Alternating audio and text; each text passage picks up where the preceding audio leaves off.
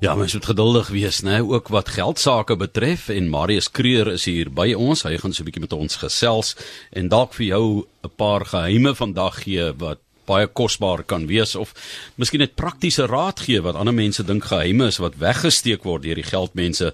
Maar Maria Sarah stoep sit, klink vir my of sy heel gelukkig is met haar aftrede daar op die stoep sy pantoffels en sy 'n bietjie heuning in haar tee, maar die tyd tik verby, né? Ja nee, môre Johan en luisteraars, dit is maar so, geduld is maar iets wat jy moet hê. Ek dink as jy uh wil aftree seker nog baie meer, want dan moet jy maar seker geduld hê dat die dag moet omraak. En uh so ek is nou nog nie daar nie, maar ja, geduld is maar 'n 'n ding wat jy uh maklik het as alles volgens plan verloop en jy alles volgens jou verwagtinge gaan. Maar as dit goed uh, verkeerd gaan as wat jy verwag het, dan uh, is dit moeilik om nog geduld aan die dag te lê. Wanneer mense gaan kyk na rekords, Marius van landspoed byvoorbeeld van diere, die vinnigste diere, dan word dit oor baie kort tye daai prestasie behaal, daai piek behaal terwyl daar ander is wat baie langer kan hardloop en uiteindelik vang hulle die vinniger diere of hulle hardloop hulle moeg en en en vang hulle op daai manier.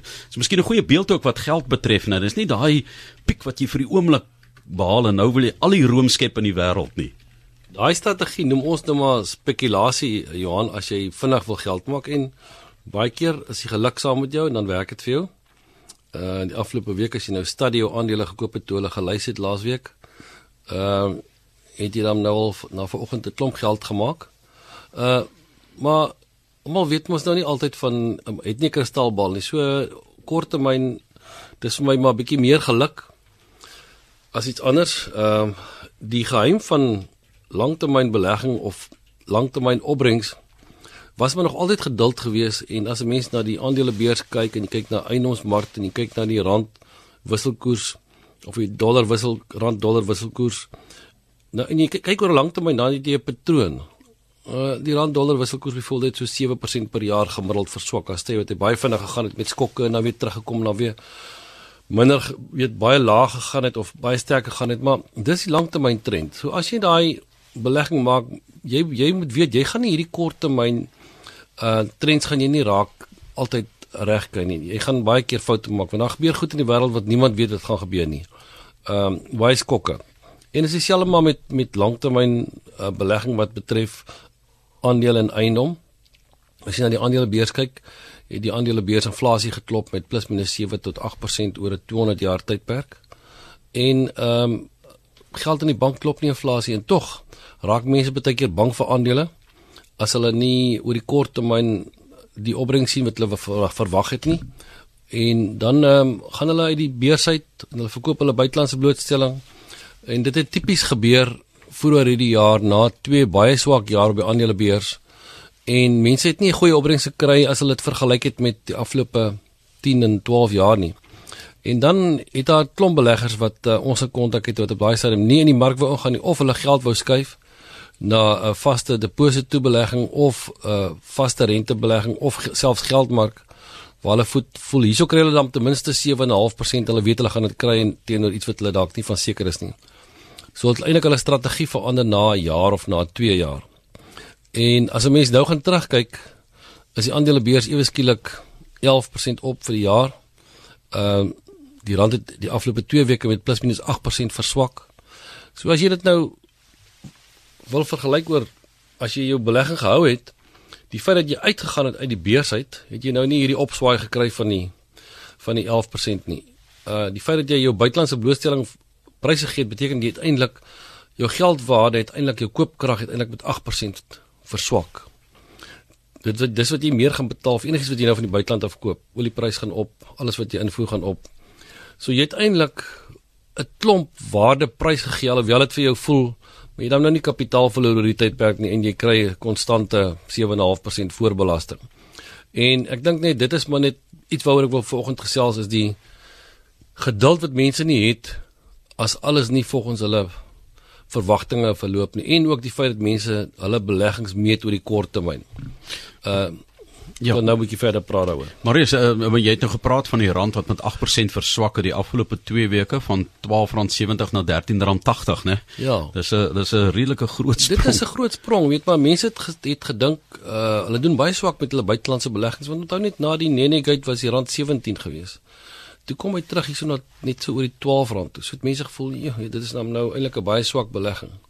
Maar het vergeet dat hulle het van 2008, 2007, 2008 daar rond het hulle R740 betaal vir daai selfe geld. So na R12 het hulle eintlik al baie goeie geld gemaak. En uh die geheim is maar net weet daai daai gedeelte van ou se portefeulje was altyd be, bedoel gewees om 'n 7-8 jaar termyn te wees. Daarom moet jy hierdie korttermyn skokke moet jy kan hanteer.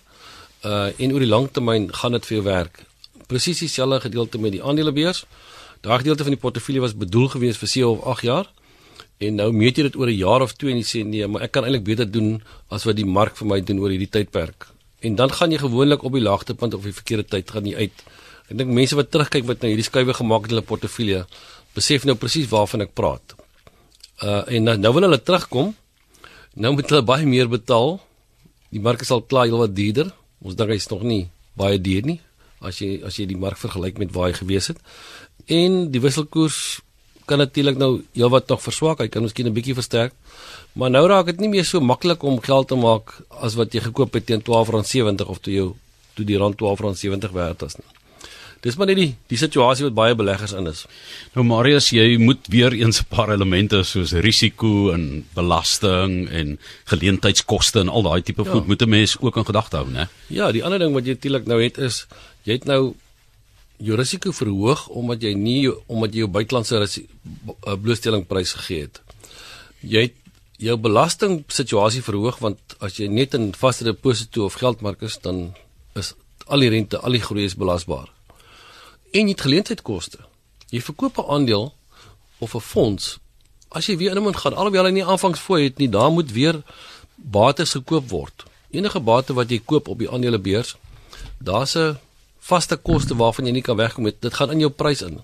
So dis amper soos 'n iemand wat spekuleer met woonstel. Jy verkoop net die woonstel en nou betaal jy agente kommissie om hom verkoop te kry.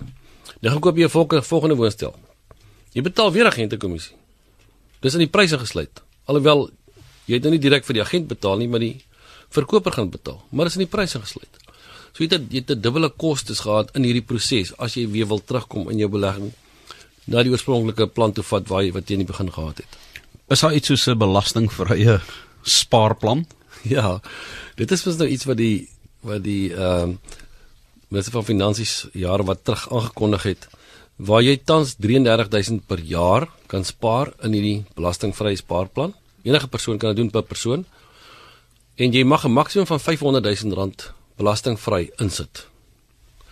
Nou, net om bietjie die die effek van geduld en ook natuurlik van uh saamgestelde rente te illustreer. Indien 'n mens dit dan nou per maand wil insit, jy wil die volle 30000 insit per jaar.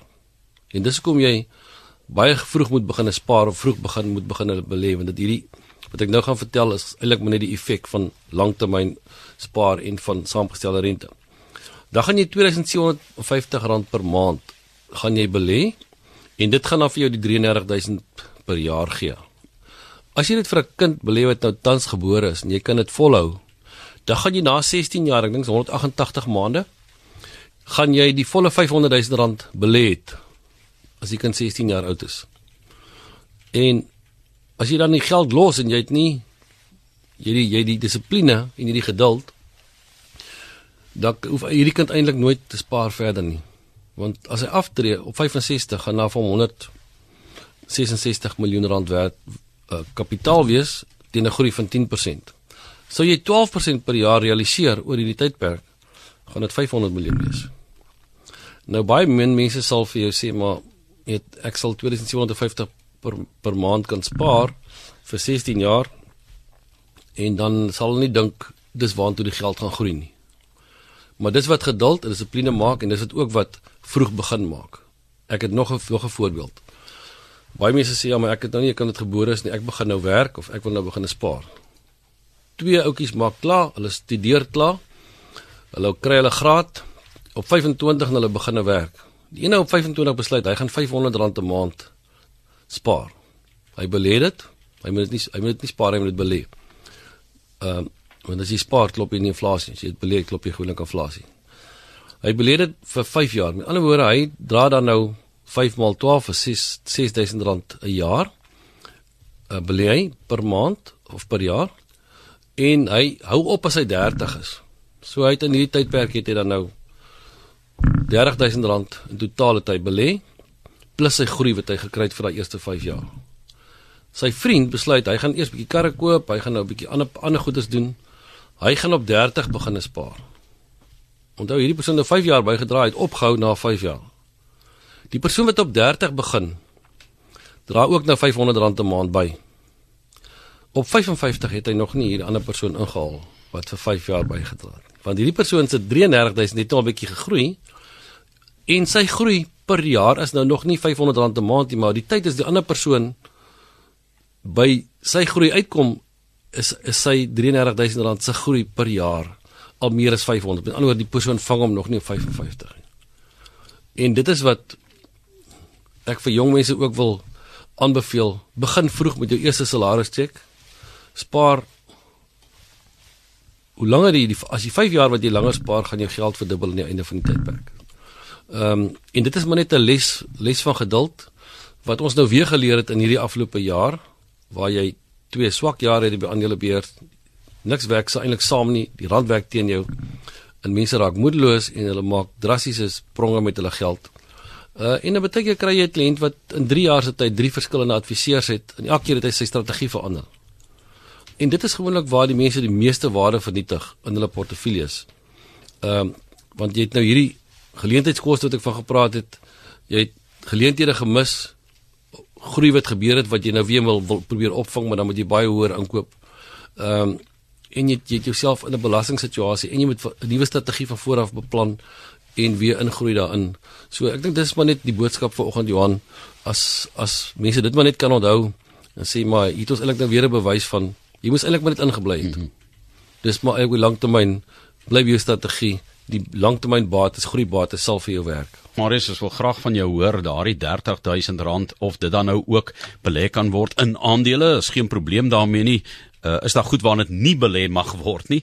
Um, of hoe gaan mense te werk wat nou onmiddellik daarmee wil begin? Ja jy kan nie direkte aandeel portefeulje koop nie maar jy kan 'n aandelefonds koop. En jy kan buitelandse fondse koop. Jy kan staatseffekte koop. Jy kan eiendom koop dan so jy's redelik jy's redelik jy's nie beperk in wat jy kan doen nie daar is ehm um, sekere fondse wat ingesluit is, sekere fondse wat uitgesluit is, maar jy kan jou blootstelling aan aandele, jy kan genoeg aandele blootstelling kry, jy kan buitelandse blootstelling kry, jy kan uh, blootstelling aan eiendom kry. In die begin was daar baie beperkings, maar dis dis redelik opgehef. Ehm um, en dit is nou 33000 per jaar.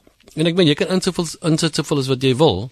Uh en die ideaal is vir 'n mens veral mense wat nou ons het baie keer nou deesdae het ons ons maar baie oupas en oumas wat nou kleinkinders het, nou wil hulle vir hulle kleinkind iets begin.